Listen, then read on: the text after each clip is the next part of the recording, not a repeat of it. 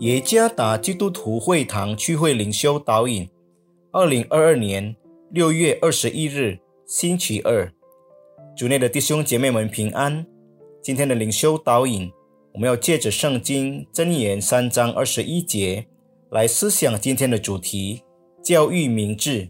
作者马波比牧师。箴言三章二十一节，我儿要谨守真智慧和谋略。不可使他离开你的眼目。根据真言，智慧是实用的东西，而不是哲学假设、神秘或抽象的东西，而是日常生活的伦理。拥有智慧意味着我们可以分辨什么是上帝的旨意，什么不是上帝的旨意。神的智慧会带领我们走向真理，来荣耀神。引导我们养成良好的行为，并成为他人的祝福。当我们了解智慧的意义时，我们就会努力拥有它，就像父母、父亲会教育他们的孩子变得聪明一样。为什么？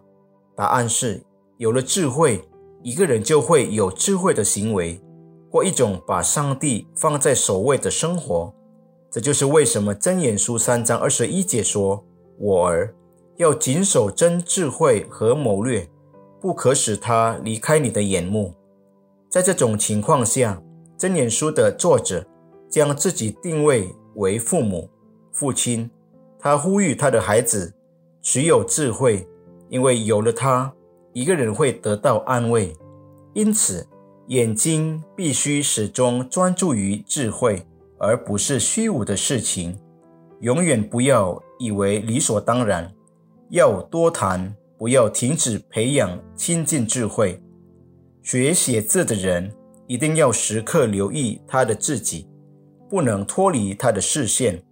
同样的，想要聪明的生活的孩子，他必须以正确的方式聆听智慧的话语，并继续学习。一位母亲照顾她的孩子和孙子十四年，对她的服务，她从不要求丝毫的回报。但她得到了什么？她的儿子甚至把她赶走，说：“死吧，你老了，没有用了。”母亲从她心爱的孩子受到严厉残酷的对待，感到非常难过。尽管母亲年事已高。但身体仍然很强壮。听到这个故事，我们当然可以认为这个孩子没有智慧，所以他的心里没有考虑和智慧。作为教育工作者的父亲，必须继续努力，鼓励、激励和为他们的孩子祈祷，将他们视为必须接受上帝真理教育的宝贵财富。他们这样做是为了。有一颗敬畏上帝的心，有很多孩子没有被教育得着智慧，结果他们敢对父母说狠话。